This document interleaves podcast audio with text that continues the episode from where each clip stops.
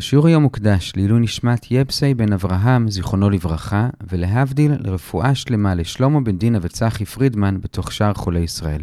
כל מי שרוצה להקדיש שיעור לקראת סוף המסכת או לתחילת מסכת בבא מציע, שם בעזרת השם השיעורים גם יהיו רצופים, מוזמן להיכנס לאתר סיני ושם למעלה בתפריט. שלום לכולם, כאן אורי בריליאנט מאתר הגמרא סיני, ואנחנו לומדים את דף קג במסכת בבא קמא.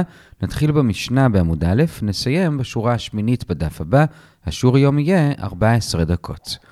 היום יש לנו נושא אחד, וזה עד כמה הגזלן צריך להתאמץ בשביל להשיב את הגזלה, ולגבי זה נראה את המשנה, ובגמרא נראה שני סעיפים. סעיף אחד זה המקור למשנה, סעיף שני, כמו מי המשנה. בואו נתחיל. אז כאמור, הנושא של המשנה זה עד כמה הגזלן צריך להתאמץ בשביל להשיב את הגזלה, ולגבי זה המשנה מבדילה בין גזלן שלא יתחייב בחומש ואשם, לבין גזלן שיתחייב בחומש ואשם. מה זה החומש ואשם הזה? זה כתוב בויקרא ה' פסוק כ"ד, שאם אדם יש לו אצלו איזשהו כסף או חפץ שהוא אמור להביא למישהו אחר, או כי הוא גזל אותו, או כי הוא לווה ממנו, או כי הוא שמר לו, בכל אופן, מאיזושהי סיבה הוא אמור להביא לו משהו, והוא נשבע לשקר שהוא לא חייב לו, ואז בסוף הוא הודה שהוא שיקר, אז במקרה כזה, הוא קודם כל כמובן משיב את הגזלה, אבל בנוסף לזה הוא גם צריך להוסיף עוד חומש, שזה בעצם רבע מהמחיר, וגם להביא קורבן, אשם גזלות. עכשיו, כרגע הנושא שלנו זה לא החומש והאשם, אלא עצם תשלום הקרן, וכאמור השאלה היא כמה הוא צריך להתאמץ בשביל להשיב את זה. pieniędzy,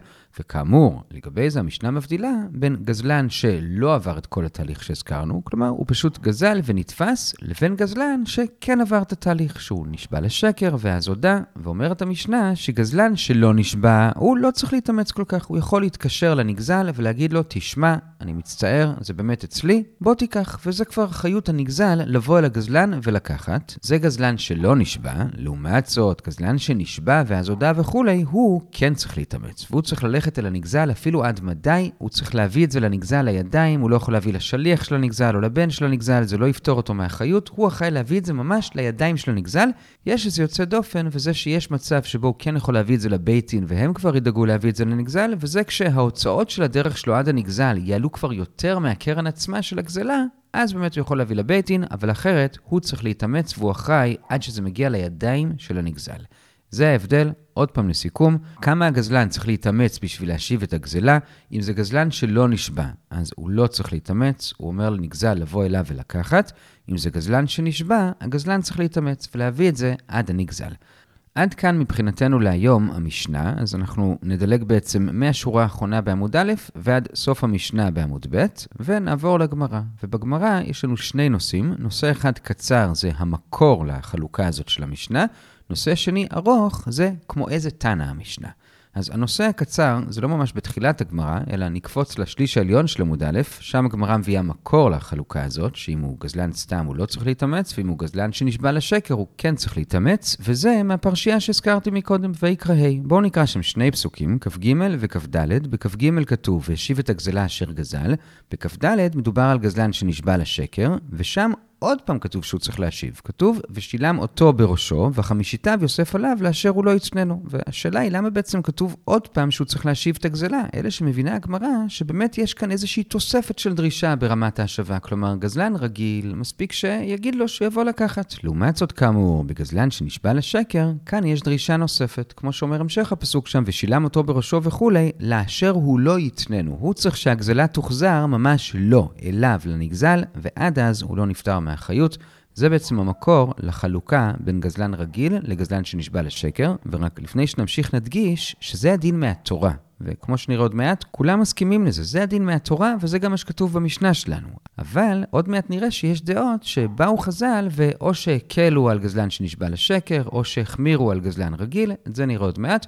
בכל אופן, מה שראינו עכשיו, זה המקור לדין מהתורה, וזה גם מה שכתוב במשנה.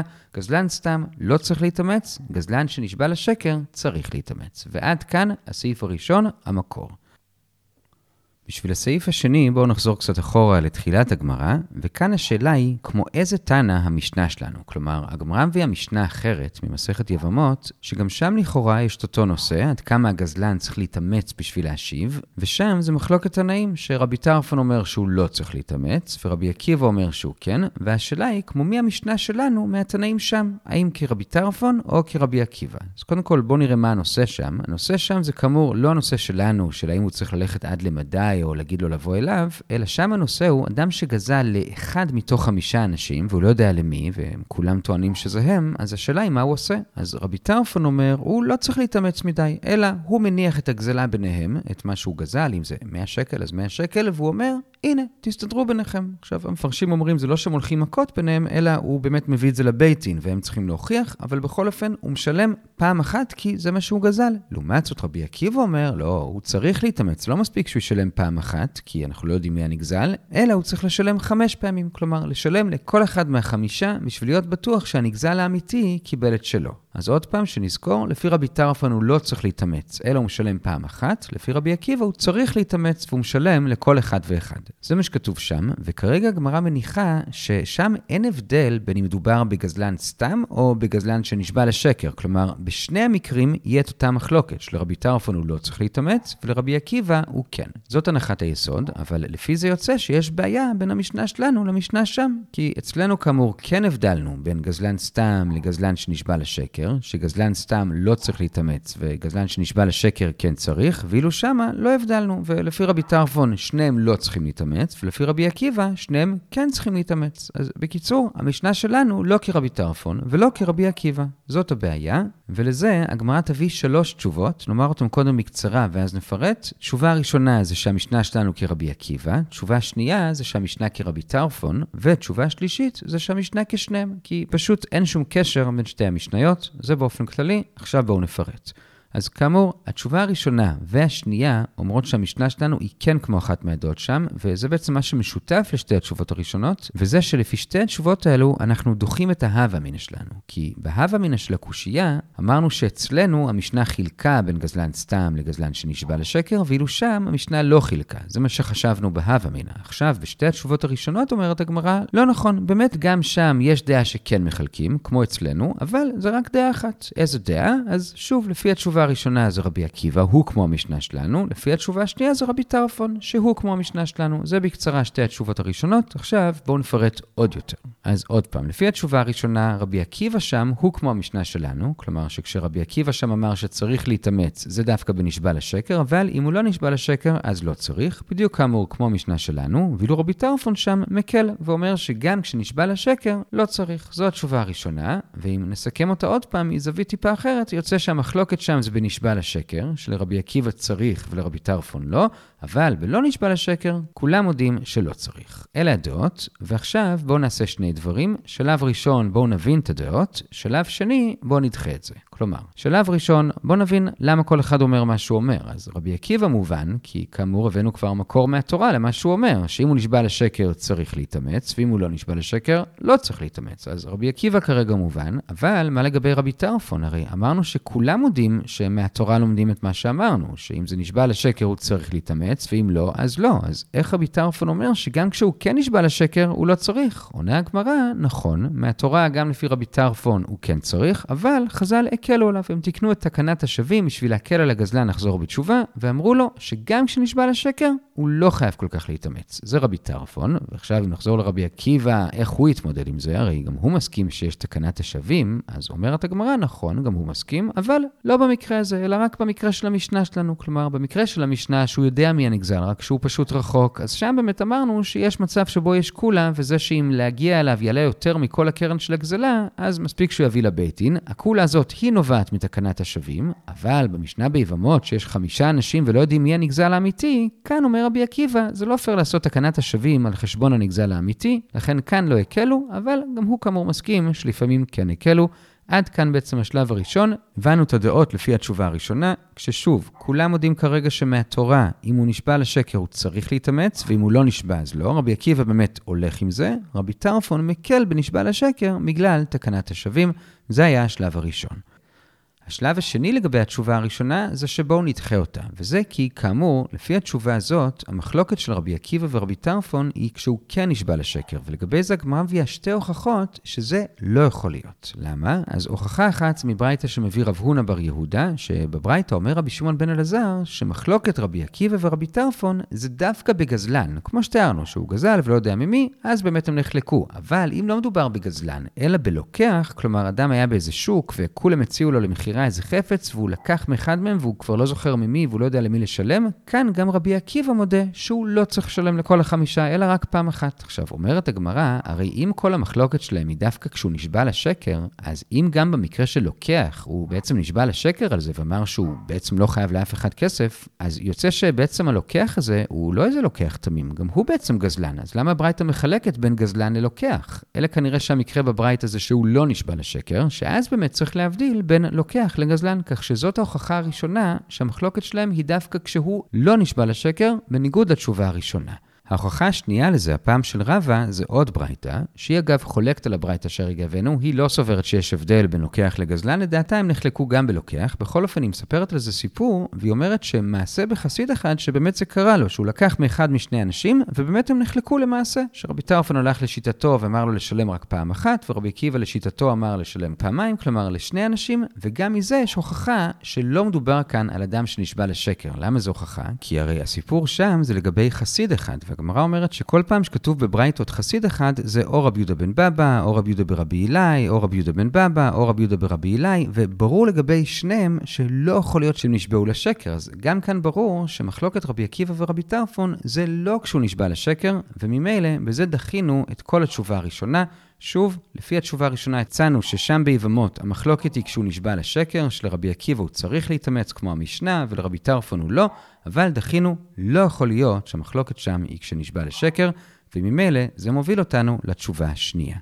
התשובה השנייה, כאמור, אומרת בדיוק להפך, שהמחלוקת שם היא לא כשהוא נשבע לשקר, אלא דווקא כשהוא לא נשבע לשקר. ששם רבי עקיבא אומר שבכל זאת הוא כן צריך להתאמץ ולשלם לכולם, ורבי טרפון אומר שלא, אבל בנשבע לשקר, בזה כולם מודים שכן. כלומר, שיוצא שרבי טרפון הוא בדיוק כמו המשנה שלנו, שאם זה גנב סתם אז הוא לא צריך להתאמץ, ואם זה גנב שנשבע לשקר הוא כן צריך, כמו המשנה וכמו הפסוקים, רבי עקיבא מחמיר גם כשהוא לא נשבע כי חז"ל כנסו אותו, אבל בכל אופן, הנה מצאנו לנו כמו מי המשנה, המשנה לפי התירוץ הזה היא כרבי טרפון, שאם הוא לא נשבע, הוא לא צריך להתאמץ, ואם הוא נשבע, הוא צריך להתאמץ. זו התשובה השנייה, אבל גם את זה הגמרא דוחה. כי אומרת, יש עוד ברייתא, ששם כתוב שאם מדובר בגזלן שבא מעצמו והודה כי הוא רוצה לחזור בתשובה, אז הוא צריך לשלם לכולם. עכשיו, זה לא מסתדר עם מה שהרגע אמרנו, כי הרי הרגע אמרנו שמתי רבי טרפון אומר שהוא צריך לשלם? רק אם הוא נשבע לשקר ואז הודה. לעומת זאת, באותה ברייתא כאמור כתוב, שגם אם הוא לא נשבע לשקר, אלא כל גזלן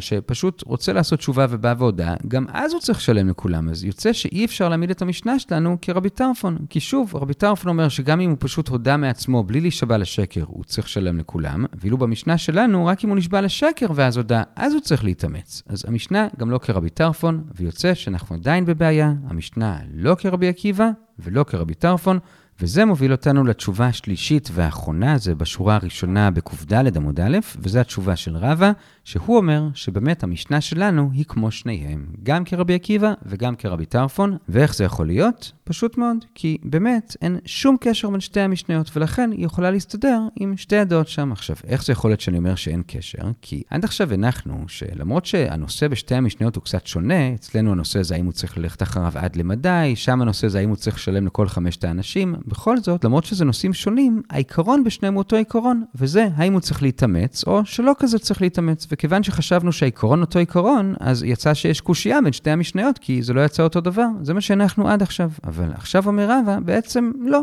אין שום קשר, זה שני נושאים שונים. אצלנו מדובר באמת בנושא של עד כמה הוא צריך להתאמץ, ואת זה באמת לומדים מהפסוקים שהזכרנו, שאם הוא נשבע לשקר הוא צריך להגיע עד אליו, ואם הוא לא נשבע לשקר אז הוא יכול להגיד לנגזל לבוא אליו, זה אצלנו. שם לעומת זאת, זה בכלל לא קשור לפסוק שלנו של עד כמה הוא מתאמץ, הרי שם הוא כן מתאמץ. הנה, הוא נמצא ממש פה ליד הנגזל, הוא נותן לו את זה ביד, זה לא הנושא. אלא שם הנושא זה משהו אחר לגמרי, וזה מה עושים כשיש ספק. שבזה נחלקו שם, שלפי רבי עקיבא מספק הוא צריך לתת לכולם, לפי רבי טרפון מספק הוא לא צריך לתת לכולם, אלא אם כן הוא רוצה לצאת ידי שמיים, שעל זה רבי טרפון אמר בברייתא הנוספת שהוא כן ייתן לכולם, ושם בכלל זה לא נכנס לשאלה אם הוא נשבע לשקר או לא, הם באמת אמרו את זה בין כך ובין כך, והמשנה אצלנו יכולה לסבור בין כרבי עקיבא ובין כרבי טרפון.